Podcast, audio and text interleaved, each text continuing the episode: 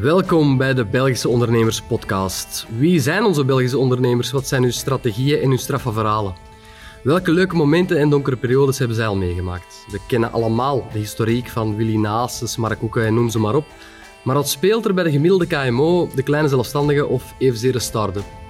Mijn naam is Christophe Robbe, ik ben zelf ondernemer en in deze podcast interviewen we geregeld een ondernemer die dag in dag uit keihard aan zijn of haar bedrijf werkt. Of niet, en dat uitbesteedt aan anderen. Wees klaar voor een hele race tips, nieuwe inzichten en een kijk op de realiteit in onze Belgische ondernemingen. Enjoy! Hallo, welkom iedereen bij aflevering 58 van de Belgische Ondernemers Podcast. Voor degenen die kijken, het is vanuit een andere setting. Even een kleine interne mededeling. Ik heb, zoals jullie weten of niet, uh, mijn vorige bedrijf verkocht, een exit gedaan en ik ben momenteel head of sales van First IT. Detachering van IT-profielen, um, managed IT-services, die dingen. Maar daarom dus de nieuwe setting. Vandaag hebben wij opnieuw een topondernemer. Um, de firma heet officieel FM Agency. Zal u niet heel veel zeggen, misschien. Maar ik uh, noem hier namen als Champagne Victor en Charles. Het is de ontwikkelaar ervan. Het is de eigenaar van het merk. Het is de eigenaar van QV Karma, van Manero, Wijnbar en Shop. Wij heten met uh, heel veel plezier welkom Filip Mertens. Dag Filip, welkom in de podcast. Goedenavond, dankjewel. Dankjewel, Christophe. Filip, ik uh, hoop dat mijn uh, intro een beetje correct was. Je bent effectief ontwikkelaar en eigenaar van Victor en Charles. Dat klopt, ja, voilà, absoluut. Voilà. Het is omdat het zo prestige, prestigieus is, dat ik het nog eens even verifieer. Hè? Want het is toch een merk dat de laatste tijd veel in de pers is geweest. We gaan het er zo over hebben. Mijn eerste vraag is, hoe gaat het met u? Uh, met mij gaat het betrekkelijk goed. Betrekkelijk. Ik heb mij voorgenomen om heel, om heel eerlijk te zijn vandaag, dus ik ga dat ook doen. Ik doe niet mee met de, de, de Las Vegas Hollywood show van alles is great en alles is goed. Dat doe ik niet aan mee. Het is niet de beste tijd in onze samenleving tegenwoordig, in onze economie ook niet trouwens. Dus, maar bij mij gaat het betrekkelijk goed en ik amuseer me eigenlijk. Oké, okay, voilà. Oké, okay, dit wordt een fantastische aflevering. Ik heb dat lang door. Filip, we gaan even terug naar uh, hoe jij ondernemer geworden bent. Vertel eens, um, wat heb jij voor je ondernemerschap gedaan en hoe ben je tot het concept Ik word ondernemer gekomen?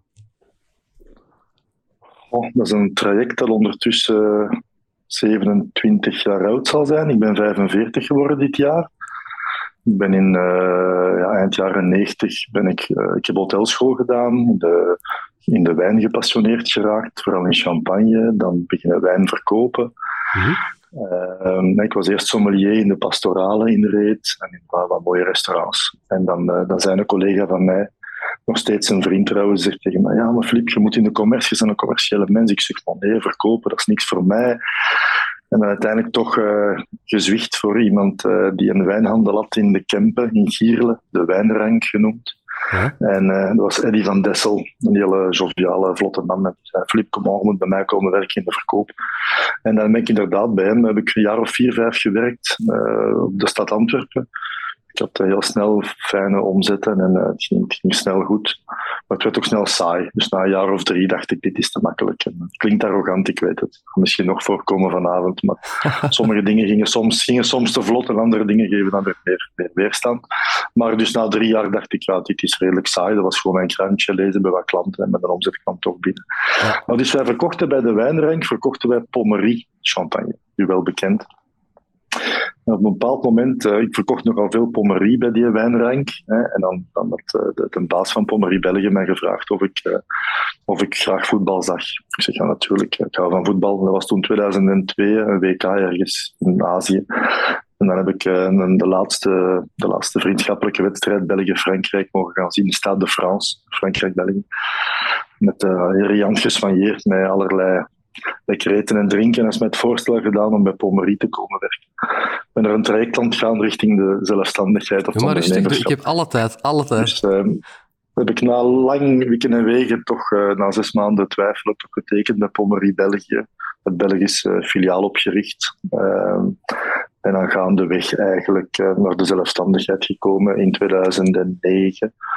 En ik denk zoals veel mensen op een punt komen van dit kan ik beter dan mijn baas of dan de concurrenten. En uh, ik merkte bij mezelf een, een heel grote creativiteit. Uh, en ik had het echt nood aan dingen creëren en ontwikkelen. Ik zag onlangs trouwens, een paar weken terug, de vertegenwoordiger van Pommery België, die heel trots was op de ijzemmertjes die hij bij had. Dan kon ik tegen hem zeggen, zie je dat blauw emmertje? Ik heb dat ontwikkeld. Ik heb dat getekend. Ik heb dat aan meneer Franken, de toenmalige eigenaar van, van Pommery, nog steeds trouwens, maar die heeft dat toen overgenomen. Ik heb toen een design gemaakt van dat emmertje, om maar een idee te geven. Ja. ja. En dat emmertje bestaat nog steeds. En dus daaruit is dan ook die zelfstandigheid gekomen, ondernemerschap, vooral gebaseerd op, uh, op het ontwikkelen en het uh, creatief kunnen bezig zijn met, met esthetische dingen, maar ook met smaak natuurlijk. En vandaar uh, Victor en Charles, om maar één voorbeeld te geven. Fantastisch, wat een verhaal. En uiteindelijk, je, je creativiteit kon je in ondernemerschap kwijt, maar je vond het wel aangewezen om door te gaan op de wijn, de champagne, om in die sector te blijven? Of heb je verlokkingen gehad naar andere sectoren nog? Ehm, tot op heden heeft geen enkele sector mij kunnen aanspreken, omdat de smaak voor mij primeert. Um, en met smaak bedoel ik niet zozeer smaak in kleuren of in auto's of zo, want ieder heeft zijn smaak over specifieke hobby's of, of, of, liefhebberij. Ik hou ook van motto's bijvoorbeeld, dus ik hou wel van een bepaald type motto en een bepaalde kleur enzovoort, of een afwerking. Maar ik heb wel gaandeweg heel het traject van bij Pommerie of de wijnrank tot op vandaag, heb ik wel de kans gehad om mensen te ontmoeten die, die ja, top in de wereld zijn van het ontwikkelen van wijn of champagne. En die hebben mij wel wat microbes meegegeven om te zeggen, ja, de champagne zou volgens ons dat moeten zijn. Hè? Dus een bepaald smaakprofiel. En daar ben ik nou wel in losgegaan. Ja, ja want allez, het klinkt wel heel uh, gemakkelijk, maar ik ga een champagne ontwikkelen. Daar komt heel veel bij kijken. Hoe lang heeft dat proces geduurd en, en wat is daar allemaal voor nodig? Je moet het niet tot in detail uitleggen, maar ik kan mij inbeelden dat er een paar stappen zijn die je moet zetten. Um, ik ga er proberen tweeledig op te antwoorden. Um, ik hou van concurrentie, dus ik wil per se niemand tegenhouden om een eigen champagnemerk te beginnen. Maar het is verschrikkelijk moeilijk. Mm. Um, het is verschrikkelijk moeilijk omdat je een Belg bent. Het is verschrikkelijk moeilijk omdat je eh, de wetgeving moet kennen daar ter plaatse. Je moet wat mensen kennen bij het comité van de champagneboeren om je merk erkend te krijgen. Het heeft niks met politiek te maken, maar gewoon, je bent weer een van de nieuwelingen die probeert een merkje uit de grond te stampen. Je bent dan niet van daar, je hebt geen connecties met families daar, dus dat maakt het verschrikkelijk moeilijk.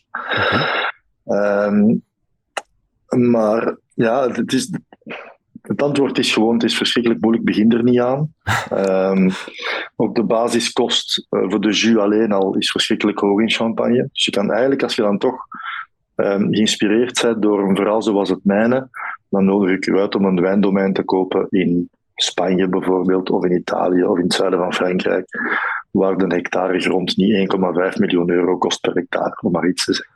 Ja, Waar de wetgeving niet zo streng is zoals in Champagne. Die is in Champagne verschrikkelijk streng, de wetgeving op de productie, wat ook maar logisch is, hè, want het moet een elitair en heel mooi product zijn. Dus dat heeft natuurlijk zijn wetgeving die heel streng is.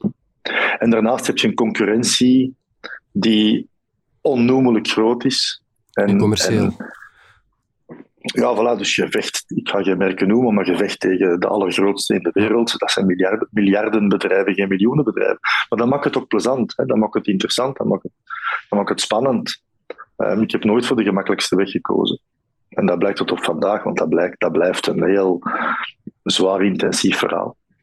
Uh, en soms heb ik discussies met mijn accountant, met mijn consultant. Ik heb een top consultant en een top accountant. En dan dan zeggen ze, helemaal Filip, uh, moet dat wel zo of zo doen, of boek dat zo in, of zeg, zou dit niet beter een beetje minder ontwikkelen en dan meer op die sales gaan? Dan zeg ik altijd een beetje ludiek. wie heeft er hier een champagnemerk? Zwijgend. ja, gewoon om wat te zeggen. Allee, het, het, het, het, doel aan zich voor mij is ook niet om daar um, een heel succesvol groot champagnemerk te zijn. Het gaat voor ons over de kwaliteit die primeert probeer succesvol te zijn in wat er in dat glas zit.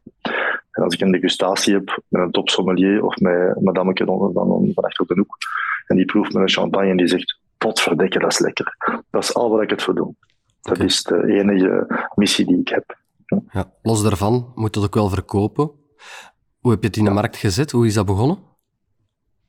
Wel, ik heb in mijn loopbaan bij de, de voorgaande werkgevers wel wat mensen leren kennen natuurlijk. Hè nogmaals geen namen noemen, maar ik heb heel mooie referenties uh, van chefs en sommeliers die ik al jaren kende, mm die ik dan mijn, mijn, mijn product liet proeven. En die zei, potverdekker zeg, wat is dat? Dat is lekker.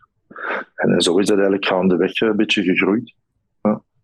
En dan misschien toch wat, toch wat namen te noemen. Op zich is er niks mis mee. We zijn vandaag huischampagne in de Comme chez Soi. Ik herinner mij Comme chez Soi van een tijd met mijn vader, dat we daar gingen eten af en toe. Ja, dat was een instituut, en nog steeds in Brussel. Hè. Dat is, dat is- dat daar alle dagen een fles van onze champagne wordt opengedaan, geserveerd wordt aan klanten daar, dat is een ongelooflijke eer. hè. Ja. Dus, dus, dus ja, dat is een, dat is een heel, heel mooie prestatie. Ik ben daar heel trots op. En terwijl ben ik wie ik ben en ben ik constant kritisch en gefrustreerd dat dingen niet sneller gaan of niet, niet beter gaan. Omdat, want er is constant, wordt eraan getweekt. Eh, constant zit in een proces. En dat, dat is zoals een schilder. Een schilder is nooit tevreden met zijn resultaat van zijn schilderij. Die gaat laag na laag blijven schilderen en blijven een kleur toevoegen. Op den duur moet je dat loslaten. Ja. Als je champagne maakt, dat is een blend van verschillende jaartallen, van verschillende crus, van verschillende druiven. Op een bepaald moment moet het lossen. En moet je zeggen, ja, dit is het nu en hier gaan we het nu mee doen. Hè. Dat is als je een, als je een muzikant hoort, eh, een album hoort presenteren. Hè. Ik, ik had onlangs, eh, wie was het? Eh, Daan. Daan heeft een nieuw album eh, gelost. Je zegt ja, op een bepaald moment moeten dat, moeten dat krijgen, moeten dat lossen en moeten dat hopen dat het aanvaard wordt. En dat dat ook beantwoordt aan uw eigen creativiteit en uw eigen, uw eigen sound. Ja. Dat is met champagne niet anders, dat is met wijn niet anders. Je wilt dat die, dat, dat product beantwoordt aan uw stijl. Maar ook dat dat, zoals je zelf zegt, Christophe, in uw vraag, moet ook verkopen. Dat klopt. Moet ook verkocht geraken. Ik kan overtuigd zijn van mijn ongelooflijke capaciteiten als champagneproducent. Maar als niemand dat graag drinkt, dan heb ik een probleem. Hè? Ja. Je hebt zeker in de geschiedenis schilders gehad en muzikanten gehad die over, overtuigd waren van de kwaliteit van hun muziek en van hun schilderij. Maar als niemand 2000 euro biedt voor je schilderij, dan een probleem. Want je hebt er wel weken mee bezig geweest. Dus het is altijd inderdaad een, een combinatie vinden, een balans vinden tussen creativiteit en passie en rentabiliteit. Hè? En, en, en, en het einde van de rit moet het, een, moet het in balans zijn. Dus dat klopt. top. Ik moet nu wel zeggen, na dit te horen, als je op je naamkaartje volgende keer niet champagneartiest of champagnekunstenaar zet, dan kun je er even gewoon mee stoppen. Want daar komt het wel op neer. Ja, dankjewel. Maar ook wat dat betreft, ik ben, ik ben een man van, van conflicten en van contrasten. En dat is positief bedoeld. Ik heb geen Mhm. conflict dat ik eh, schizofreen of zo ben, maar het is wel zo dat ik eh, constant vecht. Een beetje met mezelf inderdaad, wat dat betreft. Ik heb soms het gevoel, ik moet niks bewijzen, bijvoorbeeld. Ja. En dat klinkt arrogant. Hè. Ik kan zeggen, mijn missie is, ik wil dat mijn champagne, die Victor en Charles noemt, Charles was mijn vader, Victor mijn overgrootvader, dat is niet zomaar genoemd naar die mensen, dat is ter ere van hen. En dan vragen mensen mij, waarom heb je uw eigen naam er niet op gezet? Dus om u een voorbeeld te geven over ik die in conflict ben met mezelf, ik weet dat ik best zelfzeker kan zijn en ik kom heel dikwijls arrogant over. Mensen zeggen me dat al jaren. En dan zeggen ze, ah, maar nu heb ik u leren kennen, jij bent helemaal niet arrogant. Ja, dat is heel leuk om te horen. Maar ik snap dat ook. Het kan soms zo overkomen.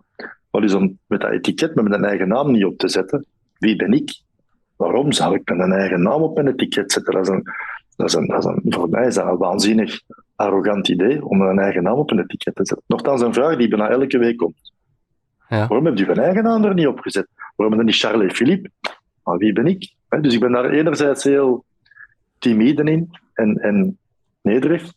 En anderzijds ben ik best, best wel trots op wat er al verwezenlijkt is en wat er staat. Hè. Dus dat is zo een van die conflicten die ik heb. Terecht, terecht. Een heel mooi eerbetoon trouwens. Ja, Ja, dat, was mijn, dat was mijn enige missie. Mijn enige missie was mijn vader Charles, wiens passie op restaurant gaan was, eh, die dan overleden is in 2014. Dus twee, drie jaar later hebben we dat merk gelanceerd met de bedoeling om zijn naam terug in de restaurants te krijgen. Dat was mijn enige echte betrachting. prachtig. En dat is ondertussen een beetje ontspoord, want uiteindelijk zijn we vandaag op 100% van de restaurants waar je graag ging eten, staan we ofwel op de kaart, ofwel zijn we huischampagne. Zalig. Het zal u misschien verbazen, maar ik heb uw papa nog gekend. Ik heb nog in een zwembad gezwommen. Uw broer is, eh, is, is een vriend van mij geweest vroeger. Ik weet niet of ik deze mag zeggen, dat is al privé, hè? maar nu ik u zag, dacht ik, godverdomme, die kerk. Ja. dat mag zeker, dat mag zeker. Ja. Zeg, eh Filip, Dat ik was zei daarnet... zwembad. Ja. Wat? Dat we een leuk zwembad hadden, hè? Ja, ik weet alleen nog dat ik op een opblaasdingen sprong en het was kapot. En eh, de Pol, uw broer, was daar niet zo tevreden mee.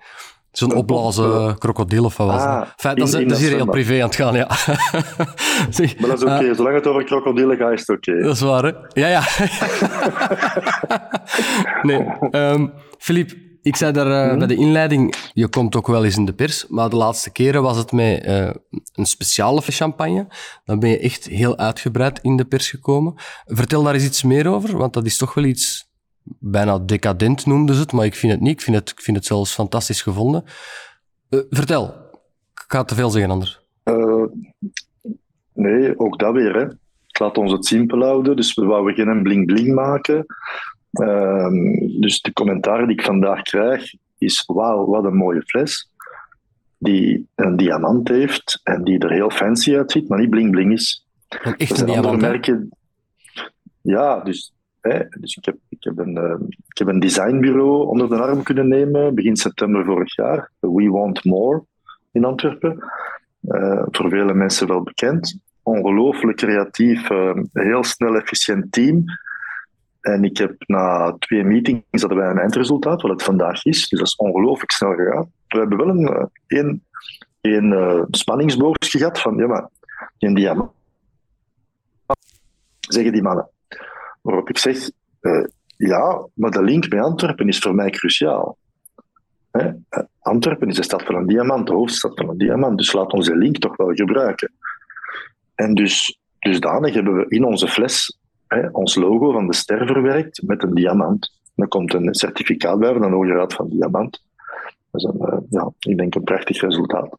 Het is heel mooi. Het, het, is dat een limited edition of is het nog vrij te koop in de, in de handel op dit moment? Ehm, het is zo dat we deze campagne, dat is de tweede campagne, 2016 Vintage, hebben we in drie fases aangeboden. En nog steeds. Eh, vanaf september hadden we een, een kans met een gereduceerde prijs. Vanaf oktober en nu november is de finale prijs. En die, die campagne loopt door tot ergens 10 december. Dus een lim- gelimiteerde editie zijn duizend flessen van, hè, allemaal Mhm. genummerd. Eh, elke fles komt in een speciale giftbox. Er komt een certificaat bij van een Hoge Raad van Diamant per steen, dus per diamant. Er komt een complimentary card bij genummerd, eh, met de naam van de persoon die de fles koopt of ontvangt. Hè. Dus het is eh, dikwijls een cadeau. En het is heel leuk om te zien, want je ziet bijvoorbeeld soms... mag ik daar een sappig verhaal over vertellen? De gemoed? Allee, sappig. Een mooi verhaal. Ja. Dus zoals je weet, heel die Victor Charles is een ode aan mijn vader en aan mijn overgrootvader.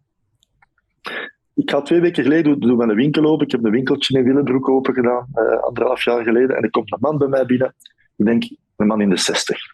Hij kwam precies van het veld of van, vanuit de fabriek. Hij was nogal, nogal, eh, nogal stevig gekleed, zo, met zwaar botten aan. En ik zeg, meneer, waarmee kan ik u van dienst zijn? Of waarmee kan ik u plezieren? En hij zegt, ja, eh, ja, mijn vader is mijn alles. Zegt. Ik zeg, oh, oké. Dacht, dat gaat hier nog plezant worden. Die mensen hebben wat gedronken. Of, eh.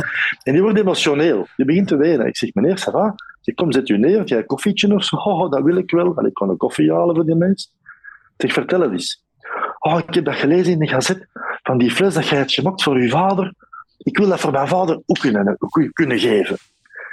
Ik zeg, maar allee, ik zeg, maar meneer, allee, kom je speciaal van waar kom jij? Dat was zo'n Waaslands accent. Ik kwam van Belzelen of ik weet niet wat. Dus ik kwam dan zo'n fles bestellen voor zijn vader.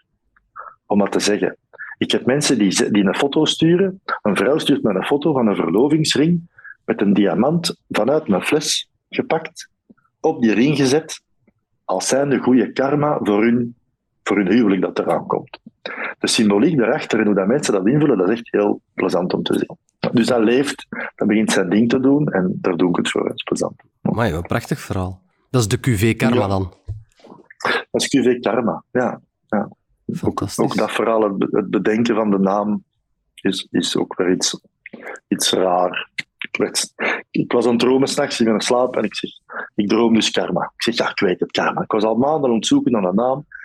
En ik, in mijn droom ik dus karma en ik word wakker, een uur of twee s'nachts. Ik denk, ik ga dat opschrijven op mijn telefoon in notities, die naam karma. Want ja, als ik dat vergeet morgen, dan ben ik dat kwijt. hè. Dus ik pak mijn telefoon naast mij, maar ik ben al een heel diepe slaper. En ik val dus in slaap. En ik vergeet dat te noteren. Of ik slaag verdienen om dat te noteren. En ik word 's morgens wakker en ik zeg tegen mijn partner, ik zeg, ja, ik weet het, ik heb een naam gevonden voor onze spe- speciale QV. Hoe dan? Ik zeg, verdomme, ik het kwijt. En ik was het kwijt, hè. Weken, weken, totdat mijn vrouw dus met een auto in pan valt. En ik ga naar Halen in Basel over het water bij ons, van, uh, waar ik toen in Nemixen woonde. En ik ga dus een Kennedy toen liep, en Basel. En, en, ze kreeg een telefoon dat haar afspraak cancelde, waardoor dat ze eigenlijk met haar platte band niet verlet was op die afspraak. En ik zeg, potverdomme, dat is karma, hè. Dat is karma dat dat dan... Ik zeg, dat was het. En ik heb het erop geschreven. Ik heb het uh, opgezocht op de re registratie van de Franse merken. Dat bleek nog, te nog, nog vrij te zijn, dat merk Karma. De code 33, dus alle, alle dranken, wijnen enzovoort, bier. Dus ik heb dat geregistreerd voor een appel en een ei. Ja. En QV Karma, en Karma is van mij. En, en zo zijn we dat beginnen ontwikkelen. Maar dat heeft jaren geduurd. Hè. Onze eerste QV is in 2015, onze eerste kwaliteit. Onze eerste vintage. Dus we zijn nu 2021, heb ik het gelanceerd, de eerste QV. Dus dat heeft wel uh, vijf, zes jaar uh, werk, hè, werk en uh, bloed, zweet en tranen gekost. Het resultaat ben ik heel trots op. Ja. Commercieel niet makkelijk, ik wil dat eerlijk zeggen. Commercieel niet makkelijk. We hebben niet de notoriëteit zoals andere merken dat wel hebben. We zijn geen Dom Perignon. dus dat heeft tijd nodig. Ja. Um, maar, maar, het resultaat is zo mooi. Ik heb net nog het geluk gehad om een fles te mogen open doen met klanten. Uh, ja, dat is heel lekker. Het is een zero dosage. Het is een heel speciale cuvée. Er is niks aan toegevoegd. Het is puur natuur. Ja, al zeg ik het zelf, een, ben heel tevreden van het product. Ja. En, en dan hebben we nog in september dus die Pent Award gewonnen in Londen. We hebben een geweldige erkenning gekregen, een beetje de Oscar van de, van de packaging in de wereld. We staan daar tussen Danone en tussen Lego en tussen nou, de, grote, de grote bedrijven der aarde die dingen innoveren. L'Oréal. We staan wel op het podium met onze fles Karma uh, tussen Dom Perignon en Lady Gaga en nog iets van Boulanger. Dus ja, dat is een prachtige erkenning, hè? dat is heel leuk. Dat is, dat is heel fijn. Heeft dat is ook terecht, want het is een prachtige fles. Ja, ja, absoluut. Ja, ik heb ze op foto gezien, nog niet in echt, maar op foto is het heel mooi. Is, heeft dat een boost gegeven aan, aan de bekendheid van? Ja, Um, uit de ervaring die ik denk te hebben na al die jaren champagne, is het belangrijkste aspect van een cuvée de prestige te hebben, is eigenlijk je merk meer geloofwaardigheid te geven. Ja. Daarvoor hadden we drie cuvées, een brut, een rosé en een blanc de blanc. En ik merkte toch dat we snel uitgekeken waren op het verhaal. Want de cuvée de prestige brengt toch een nieuwe, een nieuwe dynamiek in uw, in uw merk. Um, dus ik was er echt op gebrand om dat heel snel te lanceren. Dat heeft jaren in de, in de, in de diepvries gestoken, zal ik maar zeggen. Even gewacht.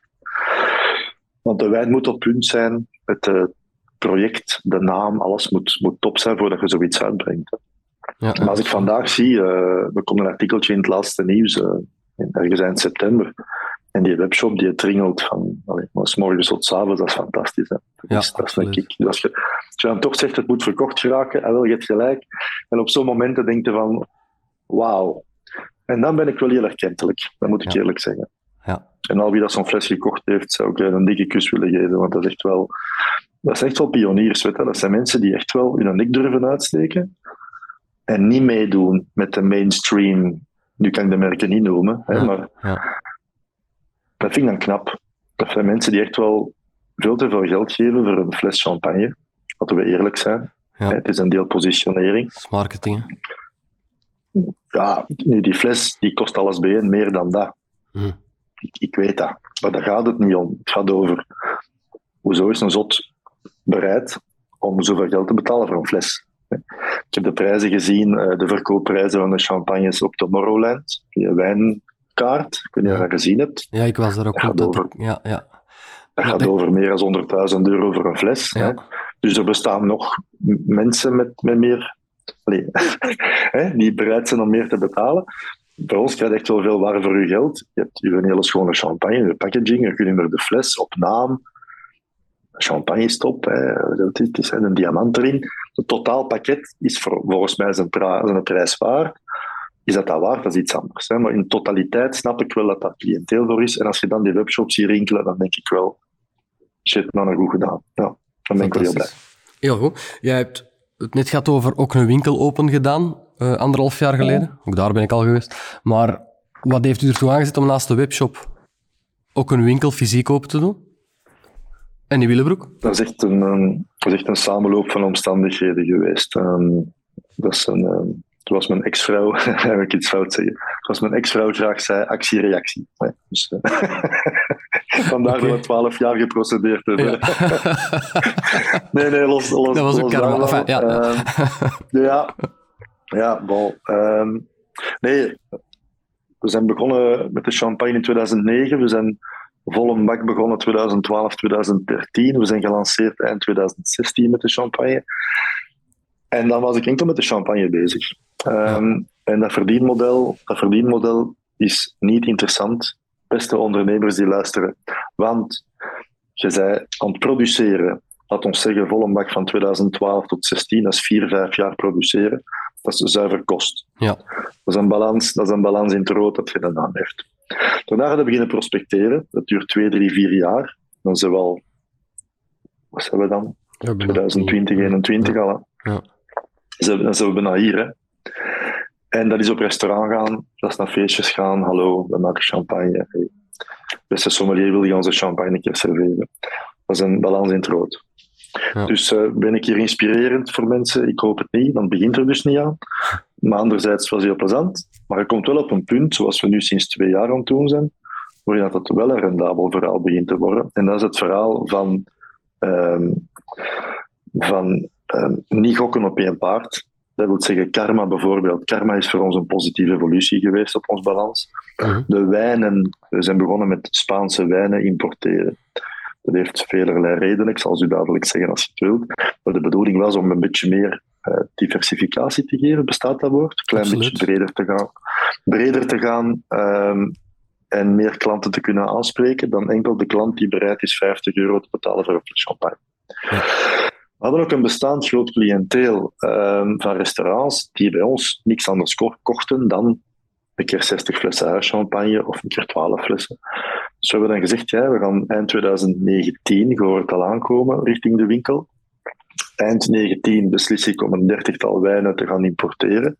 Um, dat is per palet, rechtstreeks in Spanje bij de, bij de wijnboer. Dus dat is niet dat ik via via koop met 60 flessen. Nee, nee, dat is werkelijk met de paletten. Dus ik heb een magazijn hier in Willebroek, want ik woon in Willebroek uh, ah, sinds een aantal ja. jaar. Ja, voilà. Uh, het uh, mondaine, fijne Willebroek. Uh, ik woon daar ook, hoor, Filip. Dus... dus... maar ik ben alleen maar positief over Willebroek. Hè. Ja. Zit ook een klein beetje in de politiek hier, dus ik kan u zeggen, ik ben heel ah, positief over. Okay, okay. Het, gaat goed, het gaat goed vooruit. Mm. Maar bon, los daarvan um, het is zo dat ik eind, eind 19 uh, beslist heb om, dus, uh, om wat wijnen te gaan doen. Ik pak daar nog een stok en ik begin te prospecteren. Ik heb wat wijnhandelaars die beginnen te kopen en beginnen ons wijnen te verdelen. Dat was echt een fijn succes de eerste zes maanden. Tot aan het punt dat COVID kwam in maart. En de horeca sloot en de wijnhandelaars stok genoeg hadden en plots geen betalingen meer binnenkregen van restaurants enzovoort. En toen is eigenlijk het, het, echte avontuur begonnen van het ondernemen bij mij. Vertel. Um, en, denk dat, en dat is misschien wel inspirerend. dat ja, als volgt. Ik stond vier maanden later in de krant als zijnde zoals de melkboer, maar dan met wijn. Dus ik had het idee, ik moet wel eerlijk zeggen, dus als, als de lockdown 1 kwam, um, heb ik vier dagen in mijn tuin gezeten. Wat ik anders nooit doe. Ik zit nooit stil, ik heb nooit tijd voor rust. Maar ik zat vier dagen in mijn tuin, ik benoem het zo. En de vierde dag dacht ik, ik ga wijnpakketjes maken. Um, 25 euro, 30 euro, 50 euro, 100 euro. Ik doe een samenstelling van verschillende, van verschillende flessen. Maak een doosje van zes. En dat ga ik dan bij de mensen thuis gaan leveren. Dat was het idee. Ja. En wat blijkt, van maart, wat was het COVID-jaar? 20? Ja. Uh, 20, ja. Maart 20. 20, hè. Van maart 20 tot juli 20 heb ik niet anders gedaan dan van 's morgens tot 's avonds rondgereden met een auto. En ik heb een redelijk grote auto. Auto vol met doosjes wijn. Dat waren 25, 30 leveringsjes per dag bij mensen thuis. Een doosje wijn. Al 25 euro, 30 euro, 50 euro. En ik heb zo, eerlijk gezegd, overleefd. Want mijn restaurants op de champagne, ja, die waren gesloten. Dat was gedaan. Hè? Dus ik draaide echt wel omzetten, vergelijkbaar met mijn champagne, maar dan enkel met die wijnpakketjes. Fantastisch. Achteraf gezien best wel humor, ja. Um, ik heb toen heel wat ja, heel wat ja, slijtage aan mijn auto gecreëerd. Echt waar, mijn zetel van mijn auto is volledig kapot. Om dus 30, 40 keer per dag in en uit een auto te stappen. ja. Van die onnozel dingen. Nee, maar dus ik, heb, hè, ik dacht, ik ga die leveringsjes aan huis doen. En dat is dan een succes gebleken. Ik had gewoon op Facebook één campagne gestart. Zelfs niet betalen. Dat ik zei, voilà, vanaf nu beschikbaar wijnpakketjes. En mensen zaten thuis. Ja. Mensen mochten niet buiten. Hè? Dus, dus, ja, mensen waren dankbaar dat ik dus bij hen thuis kava kwam leveren en wijn en dingen. En ik kan er anekdotes van vertellen die echt wel heel sappig zijn, maar dan zijn we de nacht voort, zal ik u besparen.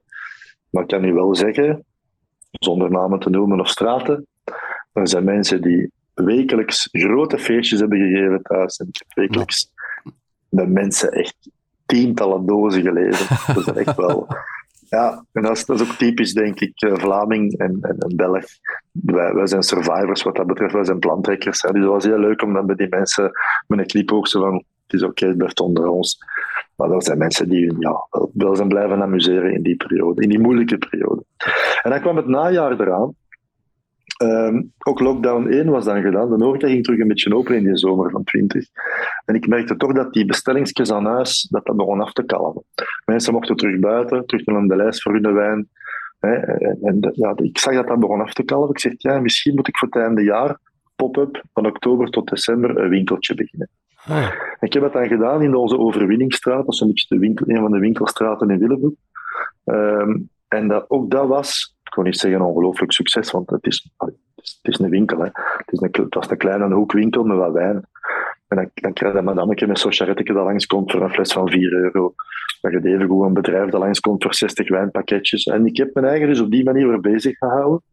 En in combinatie met een horeca dat terug open ging, was dat best wel een aanvaardbaar succes. Dus ik heb 2020 heb ik eigenlijk heel positief afgesloten, ondanks dat het een corona was. En dan is het eigenlijk alleen maar beter gegaan. Van mhm. dat moment tot nu, tot nu zijn we fijn aan het groeien. En, uh, en, en, dat is eigenlijk door. En mijn consultant is nog steeds kwaad op mij, maar op een, op een fijne manier. Hij zegt, Philippe, stop met uw eh, links en rechts en dingen gemist focus. En hij heeft gelijk. Hij heeft gelijk. Als ik vandaag enkel op de champagne ga focussen, als ik dat 2020 had gedaan, 2021 had gedaan, hadden we vandaag een probleem gehad. En wat zien we vandaag? We hebben onze nieuwe winkel in de Dendermondse Steenweg, een heel mooi pand. Daaronder is een magazijn. Onze stok die voor drie, vier dubbelt nu al twee jaar achter elkaar, dus we zijn fijn ontgroeien. We stijgen 50% in omzet semester 1, dus op zich is alles wat dat betreft gunstig aan het gaan. Dat enkel kunnen gebeuren door niet op één paard te wedden. Dus het is niet alleen het, uh, het plezante champagneverhaal of de karma bling bling. Nee, het is absoluut ook de winkel. En ik sta dus ook elke dag in de winkel. Als ik het kan, ben ik daar. De vrijdagavond doen we apero. Dan doen we een DJ af en toe. Ik daar toch de wijntjes te bedienen. Dus ja, het is, uh, het is niet de makkelijkste periode geweest tot nu toe. Ik zou het ook snel willen zien veranderen, moet ik eerlijk zeggen. Ik zou liever mij wel terug beginnen focussen op één bepaald uh, product of thema. Maar het is vandaag wat het is. En dat is voor veel mensen denk ik niet anders als ze zelfstandig zijn. Ja, maar dat typeerde wel als uh, ondernemer, ik was zeggen als zelfstandig, maar nog meer als ondernemer, dat je slechts vier dagen in je tuin zit en dan toch niet bij de pakken blijft zitten en oplossingen zoekt om je bedrijf boven water te houden. Dat is niet iedereen gegeven en zo zijn er ook veel onderdoor gegaan natuurlijk. Die hun eigen stok opdronken, Absoluut. bij wijze van spreken. Hè. Ook geen naam, ik weet van niks, maar dat gebeurt ook. Ja. En ook, heel, en ook heel, heel, heel begrijpelijk. Hè? Uh als je familiezaken ziet die jarenlang nooit problemen hebben, zeg maar, dat gaat allemaal vlot. Hè? En bijna we rijden alle dagen vol een bak zit. Als alles goed gaat, prima. Hè? Maar als je plots je winkel moet sluiten of mensen mogen niet meer buiten, word je in één keer geconfronteerd met heel veel tegenslag of weerstand. Ja. Ik heb wel leren omgaan met tegenslag en weerstand en daardoor ben ik dan ook heel weerbaar uit die situatie gekomen.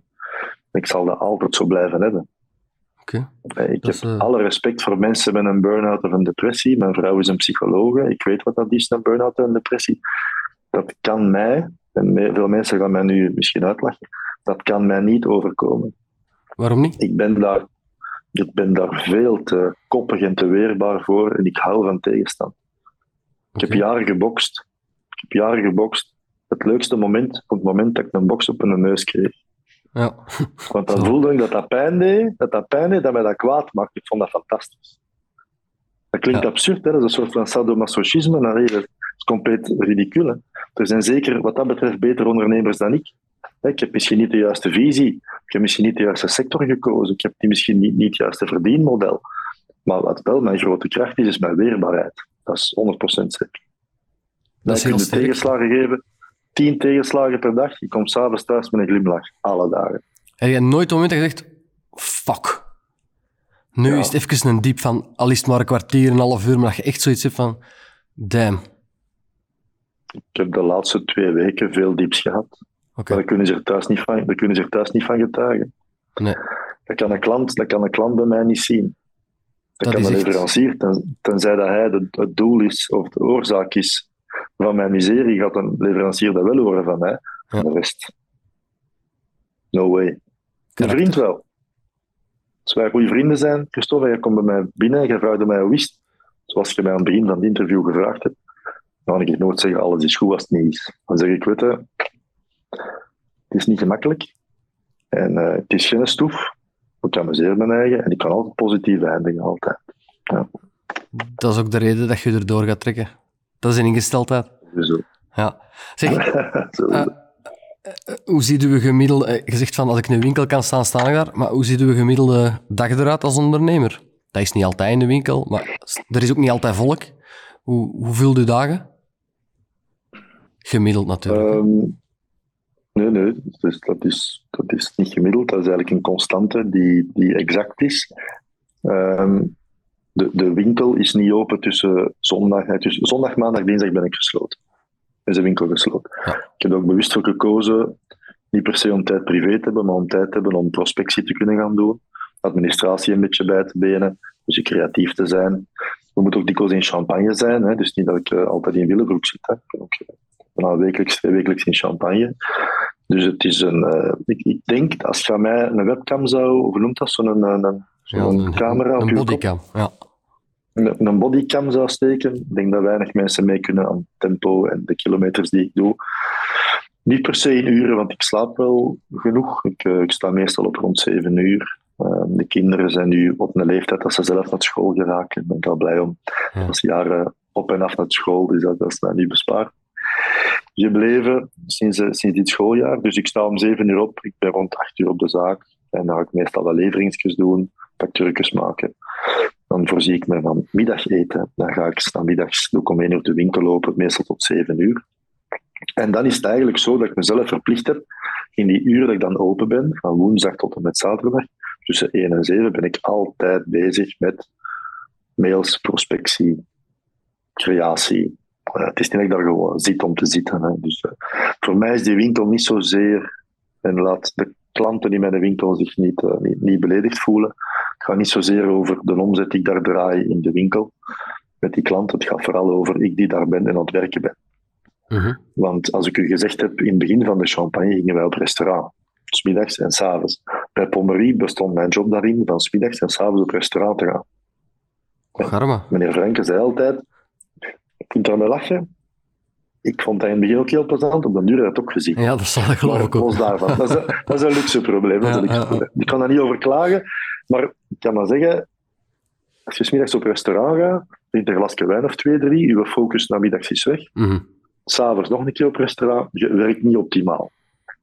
En heel die eh, corona en nu de, de Oekraïne-crisis hebben, ons, hebben mij verplicht om constant te presteren. En ik werk nu, dat kan ik gerust zeggen, ik werk vier, vijf keer meer nu dan drie, vier jaar geleden. Ja. Sowieso. Ik dacht toen dat ik al heel hard bezig was, maar wel, ik heb mijn eigen eh, dan, dan een beetje voorgelogen, denk ik. Ik werk nu veel harder dan toen.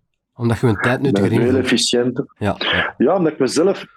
Kijk, de economie is dusdanig. De weerstand, ehm, ik ga het durven benoemen, van fiscus, van instanties. Je kunt het zo gek niet benoemen. Eh, klanten die ook kieskeuriger zijn, die, die, die, die meer verwachtingen hebben dan vroeger, die prijsbewuster zijn. Een economie die niet geweldig is vandaag de dag. Nee. Dat heeft mij gedwongen tot inderdaad eh, mezelf in vraag te stellen En, en veel efficiënter te zijn. Ja, absoluut. En veel meer te werken. En te beseffen dat je enkel erdoor zult geraken met veel te werken. Kun je de knop ook afzetten? Oh, dat is de beste vraag van het jaar al. We zijn al november. Hè. Merci. Ik ga er even over nadenken. Ik zal ze misschien wel specifieren op een andere manier. Ik heb het gevoel dat als je, je bent altijd aan het werk, ook als je niet fysiek aan het werk bent, in je hoofd loopt dat constant. Dat is wat ik nu het gevoel heb. Ik ben geen psycholoog zoals uw partner trouwens. Maar heb jij iets dat u kan doen ontspannen? Doe iets van, van weet ik veel, sport of, of, of is het nog gezond? Ik denk dat het sowieso nog redelijk gezond is. Ehm, maar ik snap de vraag, wel. Ik was gewoon aan het denken aan welk moment dat ik dan werkelijk uh, ontspannen ben. Eigenlijk wel. Ik kan wel thuiskomen en dingen loslaten. Oké. Ehm, heel veel mensen, weet ik, komen thuis en die zijn aan het malen en zich zorgen en die slapen niet. Ik kan nu zeggen, Christophe, ik raad mijn bed in, ik doe mijn ogen toe en ik slaap. Oké. Ik kom thuis, ik doe een duveltje open, of een fles champagne of een fles wijn. En ik ben echt niet meer bezig met de zorgen van de dag. Dus ja, ik kan dat loslaten, absoluut. Ah ja. En daarom dat ik ook overtuigd ben, overtuigd ben van die not burn-out possibility bijvoorbeeld. Hè. Omdat ik echt wel weet dat mijn mind op die manier werkt, dat ik in staat ben om dingen uit te schakelen. Ja, het is niet dat je thuis komt, terug die mails open, terug de gsm erbij, terug non-stop bezig. Ik doe thuis geen mails open. Ik, ben, ik ben altijd bereikbaar op telefoon. Ja. Ik zie alle mails die pop-uppen op mijn scherm. Ik ga zelden nog antwoorden, s'avonds. Mhm. Ehm, ik heb dus eens een onderneemster gehoord die zei, ik wil s'avonds al mijn mails van die dag behandeld hebben. Ik heb daar compassie mee, echt wel. Je kunt dat zeggen, dat is knap en dat is waal En jezelf dwingen tot eh, uh, volle mak efficiënt, maar ik geloof daar niet meer in. Want dat worden geleefd door mensen die honderden mails sturen op een dag. Ik heb vrienden die in een bedrijf werken die zeggen, ja, 2, 3, 400 mails per dag. En dat is niet te hanteren. Dat bestaat niet. Hè. Je kunt die wel ontvangen in uw mail, maar kunt die kun niet gelezen hebben. Je kunt er wel niet bezig zijn met, met, met denken. Hè. Zij wordt geleefd.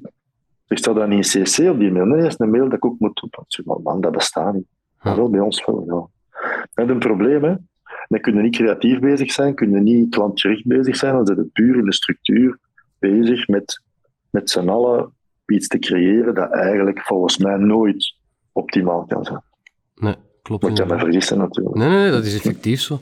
Iemand, eh, Thomas van Easy IT, die heeft ooit in de podcast gezegd: als je zelf geen mail stuurt, of zo weinig mogelijk, ga je er ook heel weinig krijgen. Ik ben dat beginnen toepassen daarna en dat is effectief ook waar. Mensen sturen ook Ja, gewoon klopt. voor het minste een mail.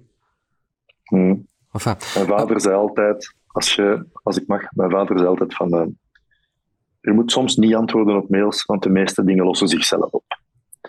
En dat is echt zo. Natuurlijk, het hangt ervan af in welke positie dat je staat. Als je een salesman zei, salesmensen moeten altijd, voor mij moet een salesman altijd bereikbaar en beschikbaar zijn. Als een van mijn salesmensen de telefoon niet oppakt, dan word ik kwaad. Dat is niet normaal, want je mist een deal, hè. ja. Want als de Jos niet oppakt, dan, past de, dan pakt de Jules wel op en de Jules zal verkopen en de Jos niet. Hè. Ah, dat heb ik wel een principe. Ja. Ja, ik ook en ik volg ze, maar dat is niet helemaal een aard van het beestje natuurlijk. Ja, Ehm, dat is zo. Maar deed je iets van sport? Want dat, dat, dat heb ik nu niet Ja, meegekregen. ik heb, ik, heb, ik, heb, ik heb jaren gesport. Ik heb altijd gesport van kleins af aan. Eh, nu ben ik terug een beetje beginnen padellen, om het toch maar mee te gaan in de hype. Ik heb jaren gebadmintond, eh, ik heb jaren getennist, ik heb jaren gesquashed, ik heb jaren gevoetbald, ik heb jaren gebokst eh, bij Renald de Vulder, de, dat is de coach van eh, Sugar Jackson. Ja. Dus ik heb eh, heel fijne les gekregen in boksen. Het is zo dat ik, ik had een, een hernia in mijn rug en dan zei mijn dokter stop maar met al die raketsporten. Daar ga je al dikwijls over je rug als je. Zo. Ja. Toen iets, sta iets statischer. En dan ben ik dus beginnen boksen. Ja. Sport van mijn leven. Zalig. Maar dat is En nu sinds, sinds kort. Ja, het is zo, die club is eigenlijk eh, ontbonden omdat de profs eh, vertrokken zijn of fijne carrière waren. Hm. Want heel die club leefde op de profs die daar boksten. Hermano Fegatili bijvoorbeeld, eh drievoudig Europees kampioen boksen. En Sugar Jackson. En al die mannen hebben dan wat kunnen sparren en zo. Heel veel klop gehad. Heel een klop kunnen geven, want die waren veel te goed natuurlijk. Maar los, los daarvan, dan is die club ontbonden. Ben ik ook gestopt met boksen. En ben ik sinds kort, sinds een maand of twee, drie, af en toe een keer aan padellen. Dat vind ik wel heel plezant. Ja. Ça va. En voor de rest met de motorrijden. Ik hou, ik hou van met de motorrijden. Ik heb een ongelooflijke motoclub. Toffe vrienden. Dat doe ik, probeer ik elke maand een keer te doen. Of een reisje te doen per jaar. Ja, En voor de rest hou ik van eten en drinken. en terecht. En daarnaast nog, we gaan daar niet te diep op ingaan, moet hier geen politiek programma worden, maar daarnaast ook nog politiek. Ja, Ver, vergt dat veel van uw tijd? nee. En ik wil dat ook heel graag gescheiden houden. maar Ja. Ik wil het ook niet ontwijken. Ehm, ik zal ook zeggen waarom. Ik ben zo overtuigd van, ehm, van enerzijds wat ik doe eh, en wie ik ben en, en van die partijen en standpunten, dat dat voor mij perfect combineerbaar is. Mm. Heel dikwijls hoor ik, ja, maar in uw zaak is dat niet oké dat je dan ehm, politiek profileert. Ah, wel, die mensen hebben gelijk. Die mensen dat. hebben gelijk. Ja. Ja, Ik zou het niet doen, Niet want dan, dan stoot de klanten tegen de borst die een andere voorkeur hebben. Maar ik stoot, ik stoot ook klanten tegen de borst. Ik heb Ja. mijn vrouw die een psychologiepraktijk heeft, hier bij ons thuis ook, hè, want ze heeft verschillende praktijken. Ik weet dat sommige cliëntjes, hè, mensen met psychische problemen, niet tot hier komen, want ze is de vrouw van de voorzitter van die partij. Ah, voorzitter zelfs, ja. Ik ben voorzitter NVA in Willebroek. Oké, iedereen maakt fouten. trots op. Nee, is niet waar. Ja, maar dat is hè, Maar nee, man, dat interesseert, dat mij niet. Maar het is inderdaad wat we zeggen. Sommige Ja, mensen nemen er ja. aanstoot aan. Nee, maar leert mij kennen, dat is oké. Ik, ik, heb- ik kom supergoed overeen met socialisten bij ons in de gemeente, eh, met alle partijen, behalve met die specifieke partij die ik niet ga noemen. Ja. Ik hou van democratie, ik hou van, van dialoog, ik hou van verschillen, dat is prima. En daarom ook dat ik het oké vind om, om met mijn kleur dan toch mijn zaak te doen. Ja. En dat, dat, dat brengt weerstand sowieso. Sowieso. Maar dat pak ik er dan bij. Want ik durf wel kleur bekennen. Dan zou ik echt schijnheilig zijn en zeggen: hè, niemand mag dat weten. Ik zal maar bestuurslid zijn, dan weet niemand dat. Dat is flauw. Ja, ja, Dan heb ik liever dat ik mijn kleur beken en mijn ding doe. Ja, oké. Welke ambitie zouden uzelf en uw, uw onderneming of ondernemingen op eh, dit en vijf jaar geven? En misschien zelfs lange ook. termijn, sorry. Ik, ik, ik ga het nog even maken naar ook la- vijf jaar en lange termijn. Echt waar je uiteindelijk wil eindigen. Dat mag beide. Mhm. Nee, de zakelijke is goed. Om te beginnen. Ehm, ik ben al twee jaar bezig om mijn export echt door te breken voor Victor en Charles. Europees, Ehm, wereldwijd. Nee, gewoon wereldwijd. Daar waar de champagne geapprecieerd wordt. Hè, dat is Japan, dat is eh, US. Zo, de mooie markten. Ehm, en ik heb nu drie jaar, eigenlijk sinds september van dit jaar, hebben we heel veel contacten gelegd bij wat exportagenten, van die agents. Dat begint vorm te nemen. Ik zou heel graag hebben dat België eigenlijk nog een fractie wordt van wat het vandaag is. De Belgische markt is, een, is onze markt, is, is, onze, onze, onze heimat, is onze thuis, maar ehm, dat merk verdient ehm, meer dan enkel België. Dus ik hoop dat we er echt in slagen om te exporteren en mensen te hebben die mijn verhaal, ons verhaal kunnen brengen bij hun klant. Ja. Dus ik hoop dat tussen nu en vijf jaar dat we tot aan ons 36.000 flessen komen, wat voor mij het, het, het maximaal haalbare eh, doel is en blijft in de productie. Ik wil nooit hoger gaan dan dat. Dan zet je merk kwijt. Dan behapt je niet meer wat er eigenlijk aan het leven is met je kwaliteit van je merk. Volgens mij. Dus ik zou heel graag willen zien dat België nog 4.000, 5.000 flessen is en de rest naar export gaat. Dat is voor de champagne. Voor de wijnen, zoals je weet, is die wijn er een beetje bijgekomen als, eh, als, als in het begin wat bezigheidstherapie. Om het, ik wil nog eerbiedig blijven, maar we hebben een heel fijn assortiment. Ik ben heel trots op wat we doen. Maar mijn prioriteit is de champagne, by far. Ik wil dat die champagne met een koor wordt en, de rest zal misschien op een bepaald moment afgestoten worden. Eh, de winkel van hetzelfde. De winkel is, is voor mij, zoals je nu weet, een verplichting om te werken in die zaak.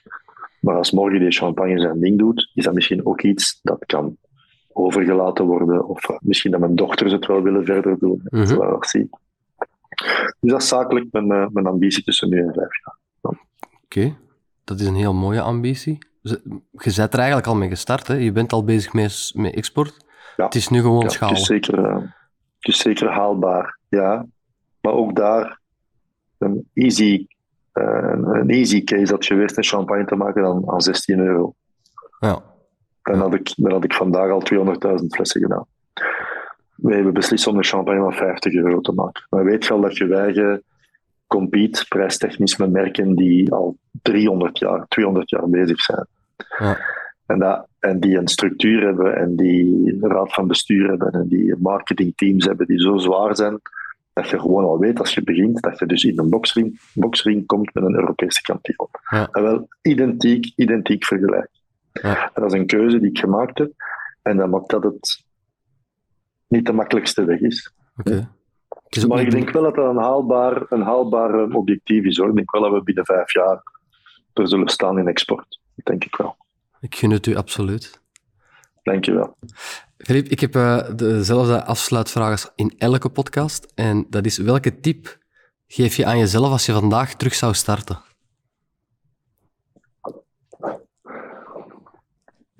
Ik heb daar toevallig nog deze week over nagedacht. Grappig genoeg. Maar dat is een gevecht weer met jezelf. Want ofwel volg je passie, ofwel volg je ratio. Mm En, als, en mijn grote tip is dus eigenlijk, als je van jongs af aan overtuigd bent dat je geen passie hebt, geen passie hebt, dan ben je verplicht om de ratio te volgen. En dan moet je dus van in het begin eigenlijk een paar duizend euro vrijmaken, die makkelijk bijeen te werken is of te verzamelen is van, van oma of opa bij zondagen of zo. Ja. En je neemt u een goede consultant die adviseert op dat moment dat je 18 of 20 of 22 jaar bent, welke sectoren de juiste sectoren zijn en zie dat je daar vol een bak in voortgaat. De fout die ik gemaakt heb, fout, de keuze die ik gemaakt heb, is ik ben voortgegaan uit een passie en niet een ratio. En dat maakt dat ik in die passie vol een bak ben losgegaan. En ja, ik heb dingen bereikt, maar het is zo'n, sorry voor het woord, fucking moeilijk parcours, uh-huh. dat het slopend is, dat je dus niet hebt als je van in het begin in de ratio, zonder passie, weet wat dat je, waar dat je centen kunt verdienen. Ja. Als ik vandaag appontwikkelaars zie, dan denk ik, waarom heb ik daar nooit, nooit over nagedacht? Ja. Maar dat kwam een beetje terug in het begin. Ja? Fietsenwinkels verschijnen. Waarom heb ik nooit de fietsenwinkel open gedaan? ah, wel, omdat we, terug, nee, maar we komen terug in het begin, omdat dat voor u op het, einde, op het einde van de rit te gemakkelijk is. Ja, en ik heb geen enkel voeling met een fiets. Mijn passie ligt niet daar. Ik heb gewoon mijn passie gevolgd. Dus mijn advies is, als je weet dat je geen passie hebt, volg dat ratio en zie dat je in de juiste business je, je pad maakt. Maar zou het... In die periode, in die tijd. Maar zou je het zelf anders aanpakken? Of kies je terug voor het moeilijke parcours? Als je terug opnieuw kon beginnen. Ja, die kans ga ik nog niet krijgen. Ik zou ook de kans niet meer willen krijgen eigenlijk. Ik ben blij met hoe het gelopen is. Met horten en stoten, maar wel mijn parcours. Ehm, als ik terug opnieuw zou mogen beginnen, zou ik al beginnen met op school een beetje beter op te letten. en, ja. Ja, dat is ook herkenbaar weer. Ja. Op de scholen. Ja, ja, ja hij werd zelf hè, een koppigheid. Hè. Mhm. Waarom heb je wiskunde nodig? Ik heb een rekenmachine. Alleen van die flauw dingen. Hè. Mhm. Maar dat, dat, is wie, dat is wie dat ik ben. En, en, en het is grappig om te zeggen dat ik vandaag op mijn 45 stilletjes aan begin te beseffen. Kijk, dit is het. Hè. Hier moet ik het mee doen. Dit is mijn parcours. Dit is mijn verhaal geweest. En dan in Londen kunnen staan op die Pent Awards en zeggen, verdomme, ik krijg een cadeau, alleen zo'n zo'n award. Ja, dat is fantastisch, hè.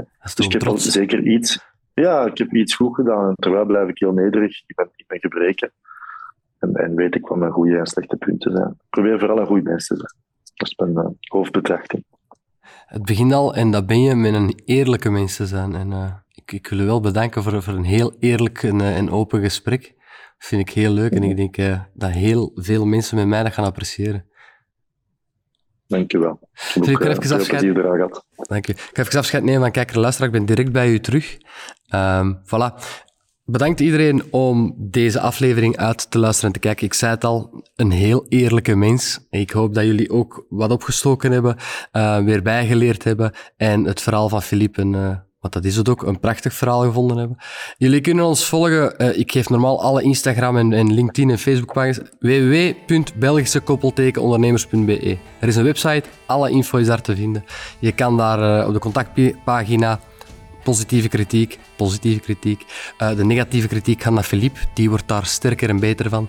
En eventueel, als je wil meedoen of iemand kent dat wil meedoen, mag je altijd een, een uitnodiging of een aanvraag tot uitnodiging verzenden. Bedankt iedereen om, om te kijken. Philippe, merci om uh, zo open en eerlijk te zijn, nogmaals. Ik hoop dat je er zelf ook een beetje van genoten hebt, dat je het een leuke aflevering vond. Ik vond het heel plezant om te doen, ja. Ik hoop dat ik niet te veel geleuterd heb, en, uh, nee. maar ik vond, nee. heel, ik vond het heel fijn. Nee, oké. Okay. Dankjewel. En iedereen Super bedankt. Tot... Jij ook. En iedereen tot een volgende keer.